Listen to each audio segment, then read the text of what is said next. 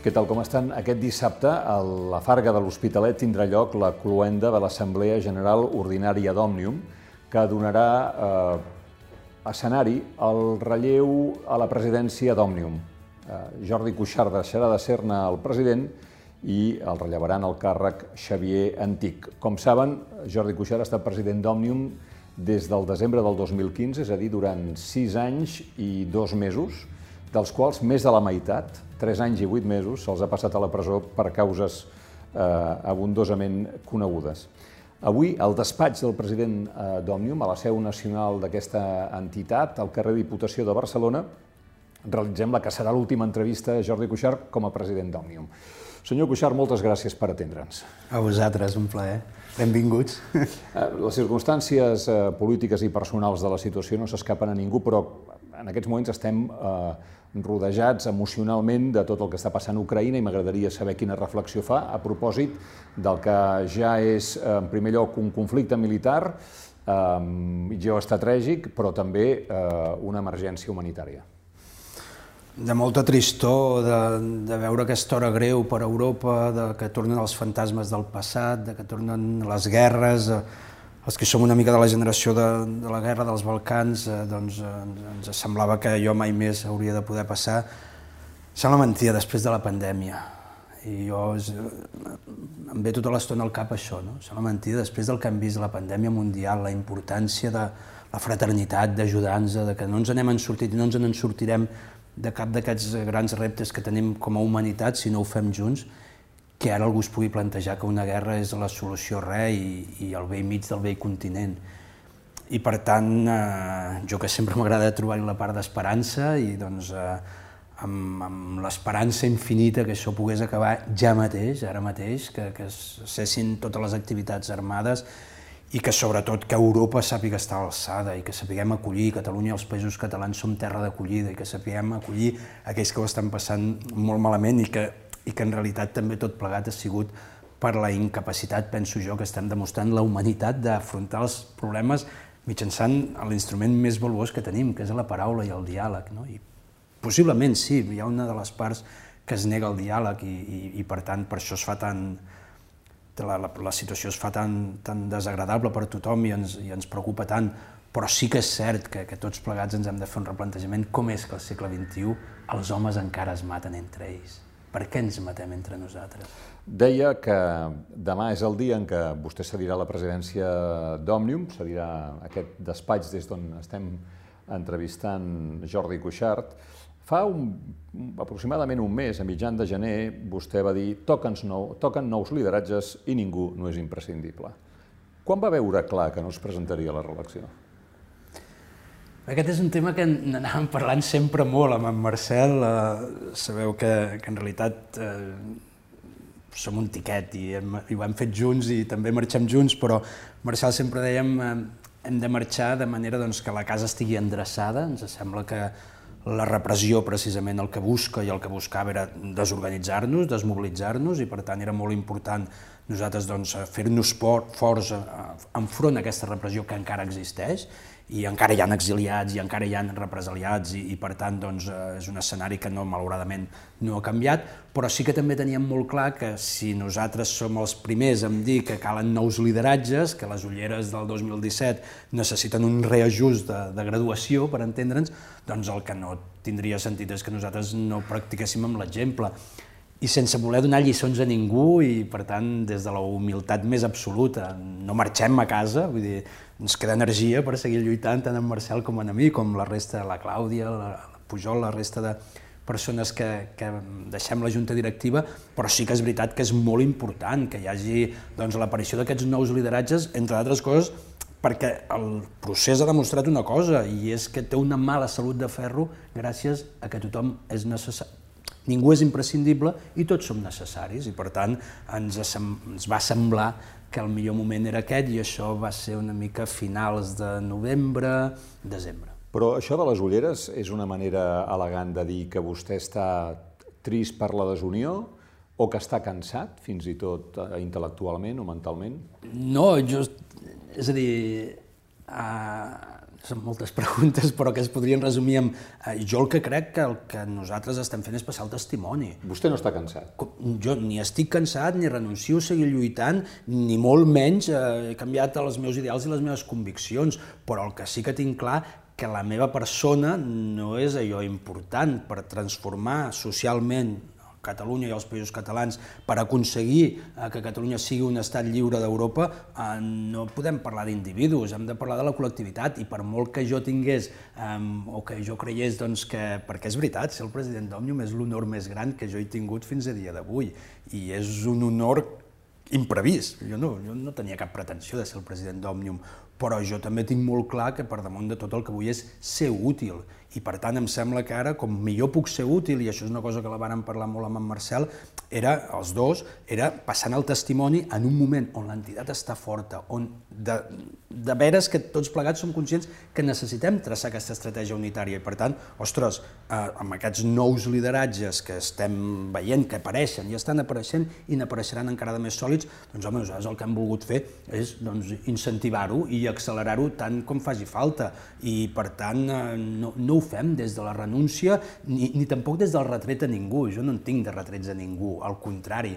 Penso que tot el que estem fent plegats té molt de mèrit. Fixi's, avui eh, qualsevol persona, qualsevol polític a Catalunya ha de tenir clar que està exposat a, a ser víctima d'una repressió, una repressió imprevisible, que pot atacar el teu patrimoni, que pot atacar la teva preso, persona, que pots acabar a la presó com, com ha acabat el vicepresident Junqueras, a l'exili com hi ha el president Puigdemont, per tant, eh, o tots plegats comencem a reubicar-nos en el sentit de que fruit del retret l'únic que fem és alimentar l'objectiu de la repressió i que per tant el que necessitem és tots plegats molta més generositat, molta més empatia i molta més resiliència o ens costaran sortir-nos-en. I per tant nosaltres el que insisteixo hem intentat doncs, predicar amb l'exemple, però no cap esgotament, jo tinc tota l'esperança amb els dies que vindran amb els anys que vindran, entre altres coses, perquè l'entitat que jo deixaré de presidir està més forta que mai, vora 200.000 socis, amb una escola de formació la Guillem Agulló que està precisament posant damunt la taula la necessitat de la lluita no violenta, de la desobediència civil,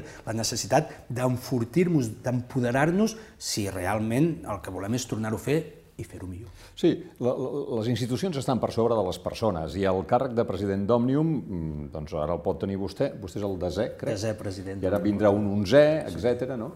Però vostè és una estrella del rock polític. Home, I aleshores, i aleshores tot aquest capital, o sigui, eh, la interpretació és molt clara. Vostè està dient a tots els altres actors del procés eh, mireu què ha fet Òmnium. No, nosaltres, i, nosaltres el que intentem és predicar amb l'exemple i per tant per nosaltres el que és molt important és que quedi ben clar que si durant aquests, eh, des de la sentència de l'Estatut, hem pogut veure doncs, com anàvem evolucionant de manera conjunta, ha sigut gràcies a que no hi ha hagut un lideratge messiànic. I això és un antídot, és un antídot brutal contra allò que podria ser, i és molt fàcil caure en aquest parany i en aquest error de creure't, doncs, no? deien Juli De ser el que està enfilat al cotxe de la Guàrdia Civil.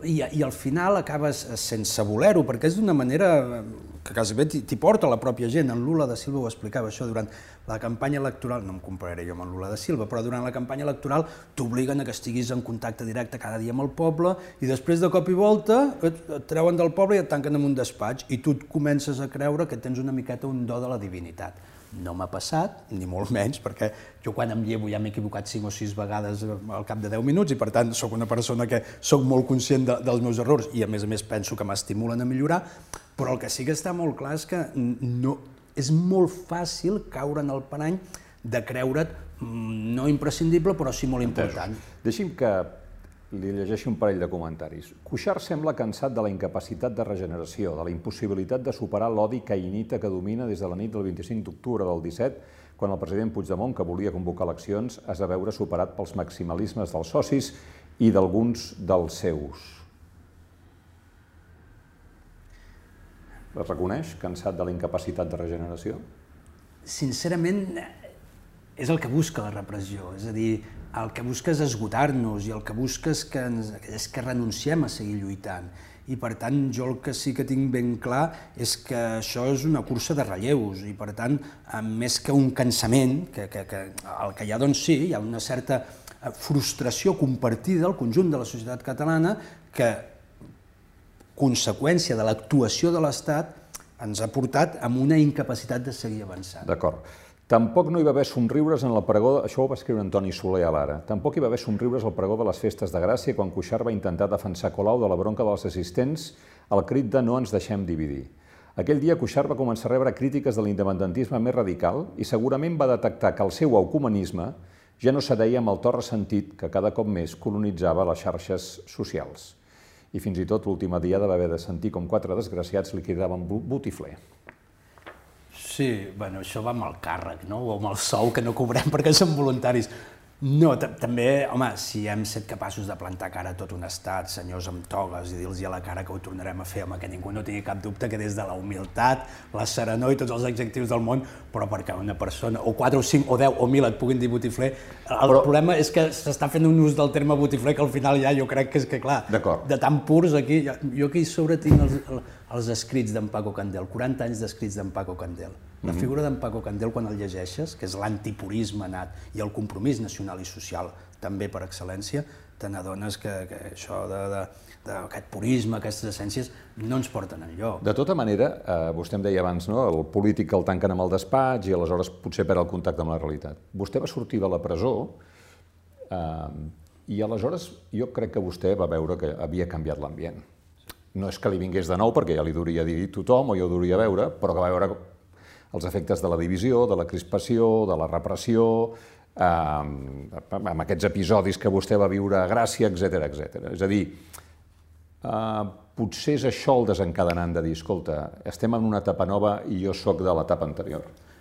Jo sóc molt conscient que nosaltres formem part d'una sèrie d'homes i dones que ens hi vam deixar la pell, que ens hi seguirem deixant la pell, però que vam tenir un protagonisme que el millor que podem fer és cedir aquest protagonisme, perquè vàrem ser molt útils, jo penso que la gesta de l'1 d'octubre, no? aquest eh, patrimoni eh, col·lectiu de valor incalculable, com també el defineix el president Puigdemont, eh, jo penso que allò és una gesta i és un patrimoni que hem de saber preservar de les dinàmiques de partits perquè no és de ningú, és de tothom perquè no és de ningú en concret, és, és del conjunt de la societat catalana i per tant quan nosaltres sortim de la presó, quan jo surto de la presó, sí que és cert que la, nosaltres vivim a la presó de manera aïllada i per tant et trobes una societat que ha anat mutant, crispada, una societat amb molt de dolor, una societat que ha patit molt. Nosaltres hem patit a, a mode individual a les presons, però la societat catalana va patir d'una manera col·lectiva i per tant tornar-li a prendre el trem, a tornar a entendre quin és el sentiment majoritari de la societat catalana vers la repressió, no és una cosa de la nit al dia. I jo que, igual que sóc també molt vull dir, molt generós amb mi mateix pel que fa referència als errors, també sóc molt exigent amb mi mateix a l'hora d'intentar interpretar al màxim de bé possible quina és la realitat avui de la societat catalana. I avui és una societat on, malauradament, estem patint més d'un 30% de la població en risc d'exclusió social. El 50% dels catalans i les catalanes avui tenen algun tipus de precarietat. Això ho estem solucionant d'alguna manera, això hi estem fent front, perquè quan lluitàvem per la República Catalana és per preservar la llengua i cultura catalanes com a element de cohesió social. Però en tant que element de cohesió social el que tenim molt clar és que s'ha de poder subsanar totes aquestes desigualtats i per tant necessitem tornar a posar una proposta de l'independentisme, del sobiranisme, del catalanisme damunt la taula que segueixi fidel als valors aquests de la construcció d'un sol poble, on el fet migratori no és un accident, no és una cosa conjuntural, no, no, el fet migratori en aquest país és estructural, és motiu d'orgull, d'autoestima col·lectiva, i aquest és el nostre principal actiu que tenim. Per tant, això es fot de cap amb el purisme, l'identitarisme, la voluntat aquesta de no, jo sóc poc però sóc el més pur. No, miri, sap què passa? Que, que si gratem una miqueta de purs en aquest país, n'hi ha molts pocs. D'acord, però més enllà del purisme, va haver-hi un 52% de vot independentista que després no s'ha transformat en una majoria operativa en el Parlament, i, i això jo crec que ha portat a la desafecció de molts votants independentistes no amb la causa, no amb la idea, no amb l'objectiu, però sí amb els actors que l'estan protagonitzant. Tot és comprensible, però ens equivocaríem si no dediquéssim la major de les nostres energies no a atacar els nostres, per entendre'ns, sinó a atacar, en realitat, qui està atacant sistemàticament la democràcia a Catalunya i als països catalans, que són els poders de l'Estat, que és el poder judicial, que és un govern espanyol incapaç de fer cap tipus de proposta, cap tipus de proposta, zero, res, com si no hagués passat res a Catalunya. Per tant, sí, sí, hem de ser molt crítics entre nosaltres, tan autocrítics com faci falta, però alerta que mirant tant el retrovisor ens estem fotent de lloros tota l'estona perquè no tenim ben clar qui és l'adversari. I l'adversari, a mi que em perdonin, però a mi l'adversari no és cap catalanista, ni cap sobiranista, ni cap independentista. Per mi l'adversari, i en aquest cas la persona la, la, qui representa a, a, la, la manca de llibertats i democràcia a Catalunya és el rei d'Espanya, és la corona espanyola i al voltant de la corona espanyola tots els poders de l'Estat. Doncs, eh, senyors, comencem a recuperar aquest discurs perquè és el real, és el verídic. Eh? L'altre són picabaralles, dinàmiques de partits i tal, però l'Estat no s'atura, la repressió no s'està aturant, al contrari, és una repressió més virulenta que mai, però és una repressió que la vivim amb baixa intensitat perquè les, ens hi estem acostumant. I per això Òmnium insistim tant en la necessitat de la lluita antirepressiva i de que aquest front sigui més, el més unitari possible, perquè el Tribunal de Comptes no s'atura, el 13 no s'atura, l'Audiència Nacional no s'està aturant, no s'estan aturant totes les causes obertes contra tots els alcaldes que van participar de l'1 d'octubre, hi haurà més inhabilitacions de parlamentaris, més nanos joves que van defensar la legitimitat d'allò que es va aprovar al Parlament de Catalunya i que estan ara fent front a causes judicials, si voleu, ens seguim discutint entre nosaltres, eh? però això no s'està aturant. I per tant el que hem de ser capaços és no només de fer front a això, sinó utilitzar-lo com a palanca, com a palanca com, com hem fet des de la presó, des de l'exili. Per què? Doncs per fer d'altaveu d'aquesta reivindicació legítima del dret a Catalunya a l'autodeterminació i de ser una república en el marc de totes les nacions d'Europa. Vostè va encunyar el terme lluites compartides, que va fer molta fortuna, però hi ha molta gent que diu aquí, però si ni els independentistes comparteixen la lluita, on són les lluites compartides? Qui comparteix què? Bueno, la, la, sí, aquest, aquest és un dels grans reptes que tenim, tornar a ser conscients de que aquest país que s'ha asfaltat places i carrers amb les seves pròpies mans, eh, només va poder fer tot això gràcies a la complicitat, a la, a, a, sí, aquesta capacitat d'empatia de diferents col·lectius, de diferents eh, maneres d'entendre la societat catalana, fixi's que nosaltres no parlem mai d'un sol poble. Parlem de la construcció permanent d'un sol poble unit en la seva diversitat. Això és d'en Benet i és d'en Candel, no, no, no és d'Òmnium. Però, però en aquest marc de construcció permanent d'un sol poble sempre hi ha hagut aquesta voluntat d'entendre del costat. És a dir, a mi el terme eixamplar sempre em feia molta por, i ara ja no s'utilitza tant, per sort, perquè qui és l'eixamplat i qui és l'eixamplador? Perquè hi ha un que guanya i un altre que perd. I en canvi el compartir, ostres, tothom aporta en aquest imaginari col·lectiu que es diu societat catalana, que és la barreja doncs, de molts diferents ingredients. El pagès que va baixar del Pallars per anar a viure a la ciutat, els fills de la immigració eh, que, que els nostres pares van venir de la resta de l'estat espanyol, els que van, han vingut de Llatinoamèrica, els que han vingut de, de ciutadans extracomunitaris, aquest és el país que tenim. A algú li pot agradar més o menys, però això són les lluites compartides. Si nosaltres no som capaços, en realitat, de parlar dels problemes, de les necessitats que té la gent del dia a dia, per què nosaltres defensem un model d'escola catalana? Defensem un model d'escola catalana perquè en un país on cadascú parla a casa seva, per sort, la llengua que li dóna la gana, necessitem un comú denominador, que és la llengua i cultura catalanes a l'escola, que ens unifica, no uniformitza, no, no, ens unifica tots els nanos, perquè els nanos que creixen junts a l'escola, independentment d'allò que parlin a casa seva, són els nanos que després defensen drets i llibertats al carrer, són els empresaris que el dia de demà tenen consciència social i nacional, i per tant, quan estem parlant de tot això, són lluites compartides, la lluita contra els desnonaments, la lluita, contra, eh, la lluita per preservar el model d'escola catalana, contra el transbassament de l'Ebre, a favor dels aiguamolls de l'Empordà, són lluites compartides i, per tant, eh, independentment del terme, que pot fer més o menys fortuna, eh, el que sí que jo hi reivindico i reivindicaré sempre, que si hem arribat fins aquí ha sigut gràcies a la voluntat de fer-ho junts. Ja. I quan veu com es comporta el PSOE i Unides Podem, que actualment ocupen el govern d'Espanya, eh, els considera socis de lluites compartides? No, jo, aquesta gent, vull dir, perdoni, jo m'he passat més temps a la presó amb el PSOE que amb el PP. Però vostè va dir que el PSC, sense el PSC no es podia fer res. El PSC és un partit molt important de Catalunya i s'equivocaria aquell que no tingués clar que hi ha milers de ciutadans a Catalunya que voten el Partit dels Socialistes de Catalunya i, per tant, la Catalunya que hem de construir plegats hem de tenir ben clar que també la construïm amb aquests votants del Partit dels Socialistes de Catalunya que donen alcaldies per majoria absoluta a moltes ciutats de l'àrea metropolitana de, de Barcelona i de Tarragona. Per tant, mm, aquell qui busqui un discurs antipartits per part d'Òmnium s'equivocaria molt, perquè és que quan nosaltres fem el Premi d'Honor de les Lletres Catalanes, o quan fem el BOC, o quan fem el Sant Bori mobilitzant més de 200.000 crios arreu dels països catalans, eh, tot això no demanem a aquests nens als seus pares a quin partit militen o a quin partit voten. Quan estem construint aquests projectes de cohesió social, el que tenim ben clar que l'objectiu és enfortir aquest sentiment de pertinença. I, i òbviament, sí, sí, qui no ho vulgui veure, doncs té un problema. El Partit dels Socialistes de Catalunya avui ha de formar part de la solució. Però el PSOE i Unides Ma... Podem no estan avançant en la taula de diàleg, per exemple. No només no avancen, sinó que implícitament blanquegen la repressió, perquè no la denuncien, perquè permeten que els tribunals estiguin fent allò que no fa la política. I, per tant, el PSOE i Unides Podemos doncs sí, segueixen sent còmplices d'una repressió que, que no està solucionant res. Per tant, els seus representants aquí no estarien lluitant compartidament amb, amb vostè? Jo sempre ho he dit que a mi no em preocupen o no m'ocupen els dirigents dels partits, sinó nosaltres el que interpel·lem és el conjunt de la societat catalana. Interpel·lant el conjunt de la societat catalana, interpel·lem a tothom, votin a qui votin, perquè si no fixis que l'independentisme avui no gaudiria del suport social que té si haguéssim anat excloent els votants de diferents partits. No, escolta, miri, Òmnium té una proposta. La proposta està al voltant d'empoderar-nos a partir de la lluita no violenta per defensar la legitimitat de les nostres reivindicacions. I això vol dir molt de compromís i fins i tot estar disposat doncs, a, a, sí, a rebre les conseqüències d'aquest compromís sense límits. No? El nostre únic límit és la violència. Nosaltres, els dirigents dels partits polítics, home, sí, sí, els hi recriminem que, en certa manera, avui a Catalunya encara hi han partits que segueixen donant suport a la repressió i que entenen que aquesta és la via de solucionar el conflicte polític entre Catalunya i l'estat espanyol, i nosaltres diem que no que això, amb la repressió, no s'està no només no solucionant res, sinó s'està enquistant, i qui està patint més durament les conseqüències és la societat catalana. Mm.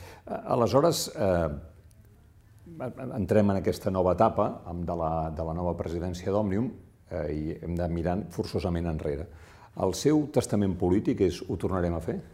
Vaja, això de testament polític no, no hi ha cap... Jo crec que ho tornarem a fer, ja no ens pertany, no li pertany a Òmnium i ho tornarem a fer, no ho tornarem a fer col·lectiu, com a societat, no parlàvem en nom dels partits polítics, ni jo parlava en nom de cap opció política ni de cap institució en concret, sinó en reivindicar el dret a exercir eh, aquests drets fonamentals que el Tribunal Espanyol va condemnar. I per tant aquest ho tornarem a fer. Jo crec que també era com, sí, com una expressió de dignitat de dir escolta, miri, res del que han fet és delicte. I per tant per això ens reafirmem en tornar-ho a fer.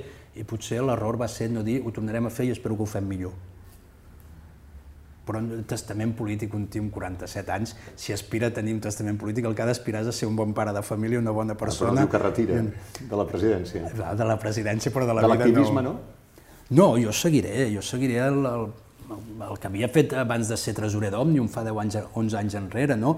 doncs eh, al servei del nou president que surti de l'entitat, al servei de l'entitat perquè penso que és l'instrument més útil que jo he trobat per poder eh, servir al país, però sí que ho faré doncs, això des d'un segon terme i estic segur que tothom també entendrà que aquest silenci meu autoimposat no és de renúncia, sinó és un silenci de compromís i és un silenci de, de voluntat de ser útil i de voluntat de ser un bon expresident. O sigui, no estarà aquí darrere de l'orella de Xavier Antic dient-li... Ni de ningú, ni de ningú, perquè considero que jo m'he deixat la pell, ho he intentat fer el millor possible, amb un agraïment brutal a tothom, demanant disculpes perquè segur que he comès errors, segur, però al mateix temps amb aquesta consciència plena de que el millor que puc fer jo ara és doncs això, seguir el fidel a la, a la, a la presidència de l'entitat, però amb un paper doncs, però no per secundari menys important, perquè tots els membres que ens ajuden eh, de les diferents seus territorials o quan hem de fer una manifestació els voluntaris, tothom és necessari, ningú és imprescindible i jo crec, eh, Antoni, entre vostè i jo, ningú em trobarà a faltar perquè tampoc no, no és que sigui, eh, ho hagi fet allò una cosa molt excepcional, he fet el mateix que hauria fet qualsevol persona al meu lloc. Quants socis hi havia quan vostè va entrar de president? Quan jo vaig entrar de president, 70.000. El que passa que quan jo vaig entrar de tresorer amb la Muriel en Pau Descansi, que aquests dies hi penso molt amb ella, n'érem 35.000 i la meitat no sabem massa bé, no sabíem massa bé si estaven al corrent del pagament o quina era la seva situació al planeta Terra. I, i d'aquests 35.000 doncs, eh, vam tornar totes les subvencions públiques i amb la Muriel vam arribar fins als 70.000 i sempre dèiem l'objectiu és arribar a 100.000, després de 100.000 l'objectiu és arribar a 200.000 i, i estic segur que Òmnium seguirà creixent. Ara quan són? Uh, 190.000, 195.000. I... Sí, ho tenen a tocar, diguéssim. Sí, i, i també és veritat que, que jo crec que Òmnium demostra la seva utilitat rere de, dia rere dia. No? Parlant d'allò que ens ocupa en realitat i d'allò que ens preocupa al conjunt de la ciutadania i amb aquesta manera d'actuar que jo la trobo formidable, que és eh, sense voler més protagonisme d'allò que li correspongui. I penso que això és molt, eh, una cosa molt bonica i jo no, no em puc imputar l'autoria d'això perquè és el que vaig aprendre de la Muriel i el que vam aprendre dels fundadors, no? però aquestes ganes que sempre té Òmnium de que les coses passin. Si després se sap que és Òmnium, doncs s'ha sapigut i no passa res.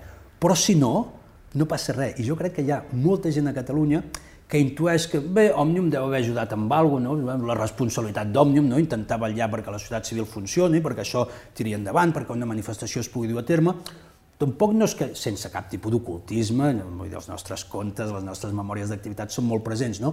però aquesta pseudodiplomàcia social no? de, de la societat civil eh, jo penso que és una cosa molt bonica no? I, i que Òmnium, i jo ho he pres molt de que sempre, escolta, mira, el protagonisme que se l'emporti un altre, però la qüestió és que les coses passin i, i arribin, no?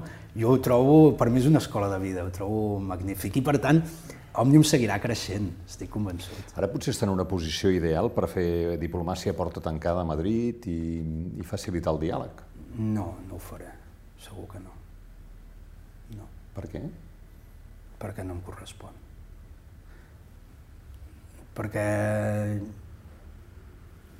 jo tot el que havia de fer ja ho he fet i tinc molt clar que aquest no, no és el paper que hagi de fer l'expresident d'Òmnium.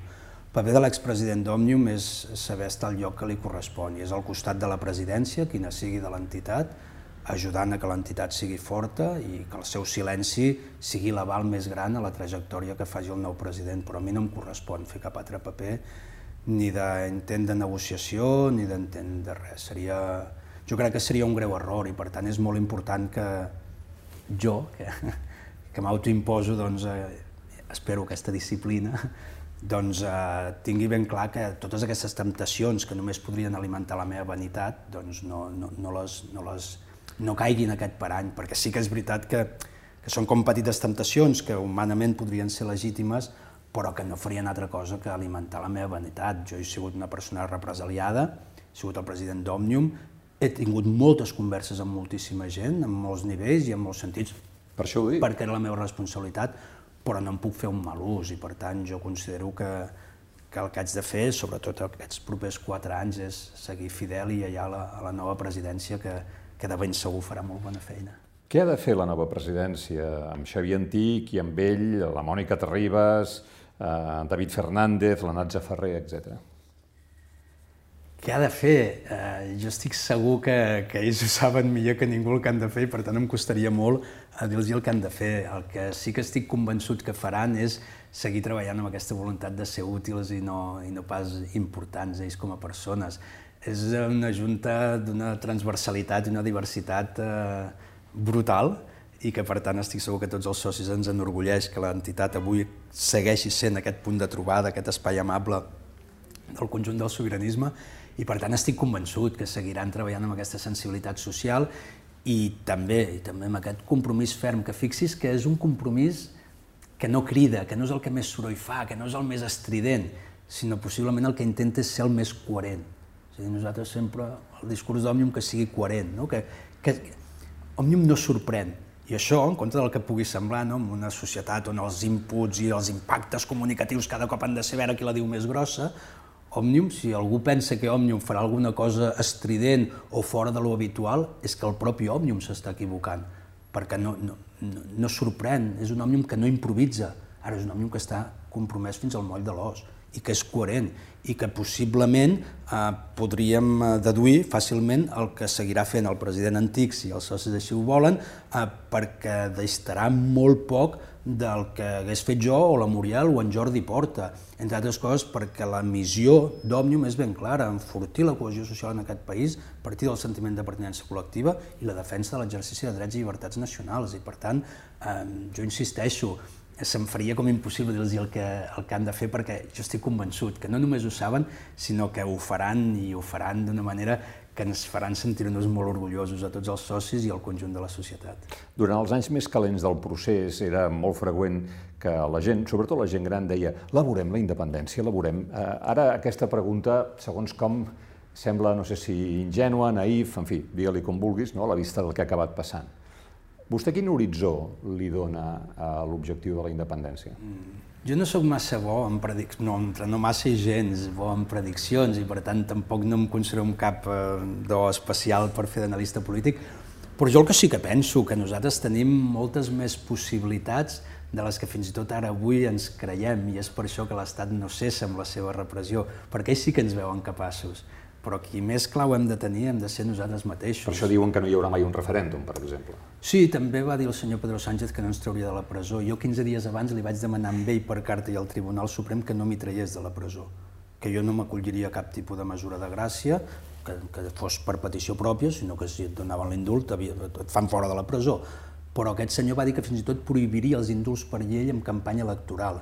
Va haver-hi un altre que va dir que mai se suspendria la mili, perquè una desautorització, ai, però, perquè no voler fer el servei militar era atacar a la unitat d'Espanya i era desestabilitzar la democràcia. Van haver-hi senyors que van dir que la universitat mai es parlaria català i mai s'ensenyaria en català.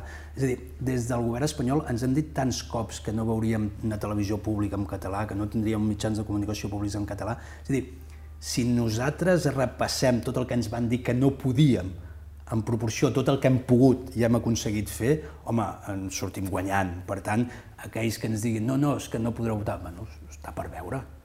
Si tot, en, en certa manera, tot dependrà de la nostra capacitat que tinguem d'incidir en els polítics, els d'aquí i els d'allà, i sobretot de que aquesta incidència es converteixi en fets reals. Nosaltres a l'1 i el 3 d'octubre vam demostrar una cosa, i és que vam tenir tota la força del món. L'Estat va perdre la força a Catalunya, però no ho vam convertir en poder. No el vam convertir en poder i les institucions catalanes, eh, però no retret, no van poder agafar tot aquest llegat i convertir-lo en alguna cosa tangible.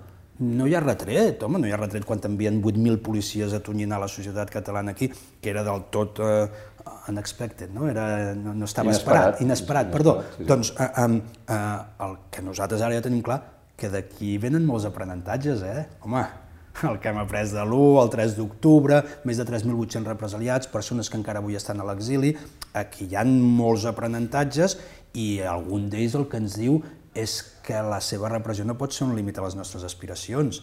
Per tant, amb aquests aprenentatges farem molt bé tots plegats del proper embat amb l'Estat, posar-los damunt la taula i que ens siguin útils.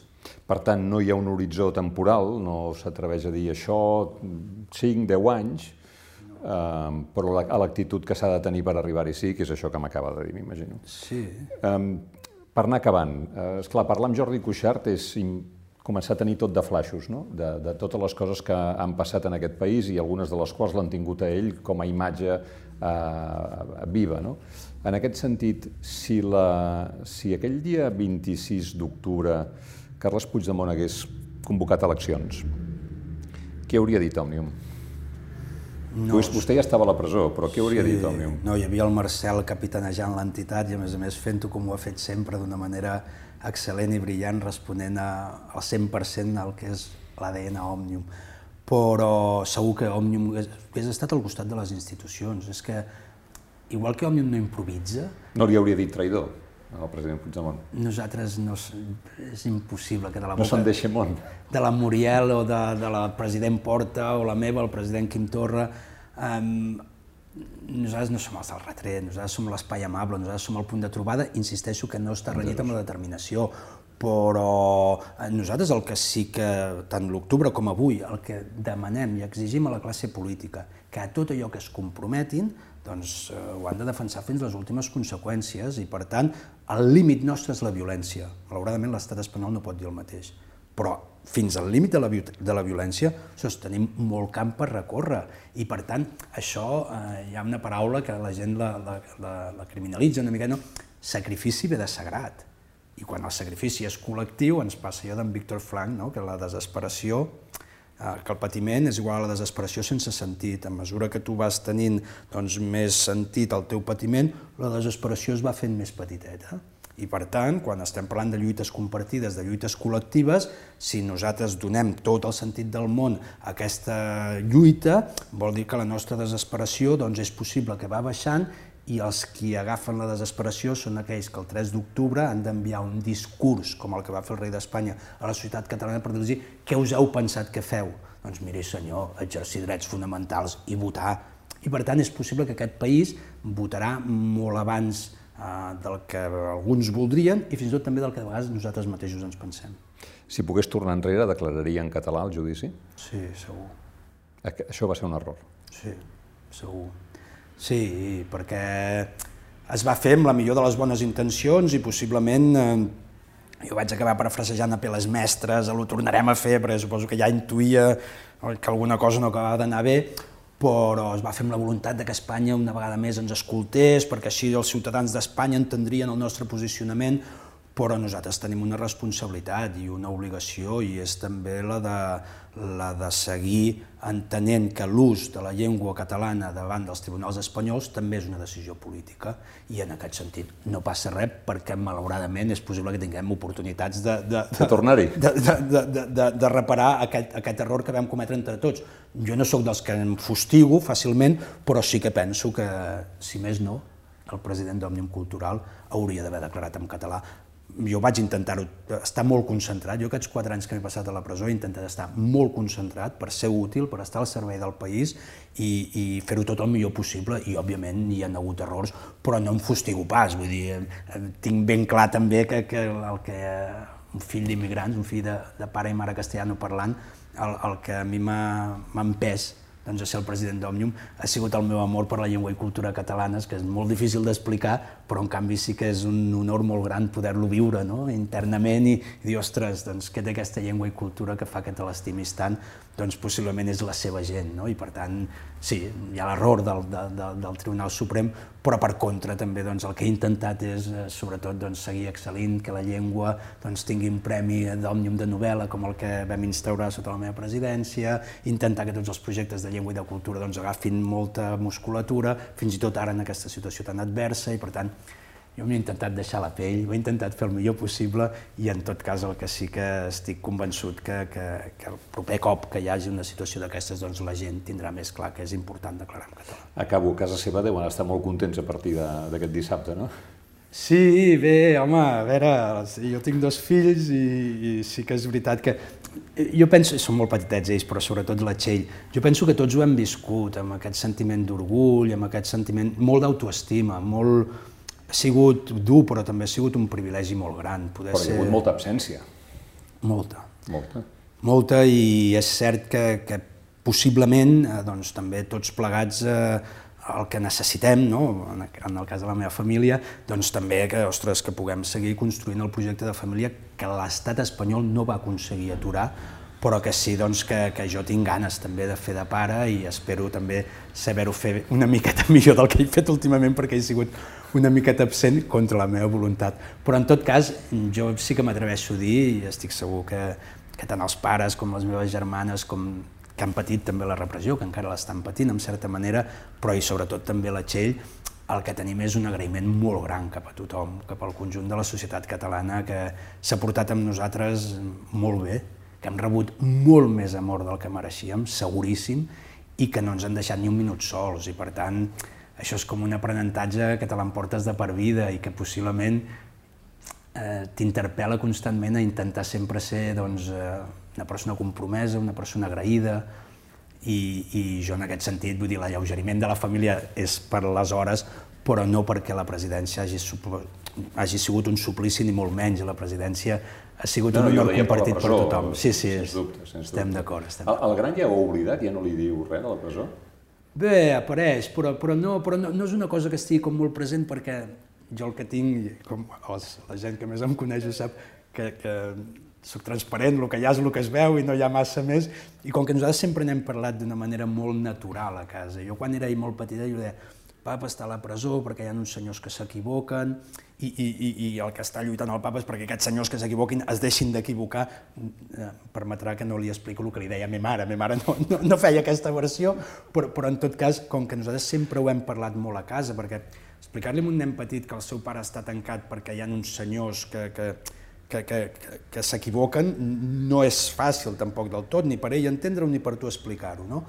Però en tot cas, com que ha sigut un tema que sempre ha estat molt present i ho hem verbalitzat molt, doncs no, jo penso que, que òbviament hi ha unes seqüeles, hi ha unes conseqüències... Però avui no li pregunta si ha de tornar-hi. Bé, no, el que pregunta és a quina hora tornes i quan tornes i, i, i a veure, quan tornes. I tornes, d'acord, perfecte perquè entenc que doncs, per ells també és important saber que el pare torna, no? i que no, no, no és un pare que se'n va un dia i ja no torna perquè, perquè els poders de l'Estat decideixen que no torna. No? Però en tot cas, jo i el que també penso, que ara tot això és com... Jo tinc moltes ganes també de, i és el que he intentat fer d'abandonar aquesta repressió individual per seguir posant damunt la taula l'existència d'aquesta repressió col·lectiva i de que en aquest país, i si em permets que, que comparteixi una frustració meva és que, que, ostres, que jo deixo de ser president d'Òmnium, però en aquest país encara hi ha exiliats. I hi ha persones que no poden tornar a casa seva. I això sí que és eh, una cosa que, que em, em, doncs, bueno, per dins, jo cada dia doncs, penso en el president Puigdemont, en la Marta Rovira, en l'Anna Gabriel, el Toni Comín, la Clara Ponsatí, el Lluís Puig, en el Tònic, totes tota les persones que, que malauradament ells no poden estar amb les seves famílies. No? I per tant, Sí, hi ha aquesta sensació una mica de dir, ostres, eh, per això no, no abandonarem mai el vaixell i seguirem lluitant. Interpreto, per tant, que ara comença un llarg silenci. Que així sigui. Doncs, amén. Gràcies, senyor Cuixart, per haver A vosaltres per tot. I a vostès també gràcies per haver-nos vist i si ens volen fer arribar els seus comentaris seran benvinguts. Fins una pròxima ocasió.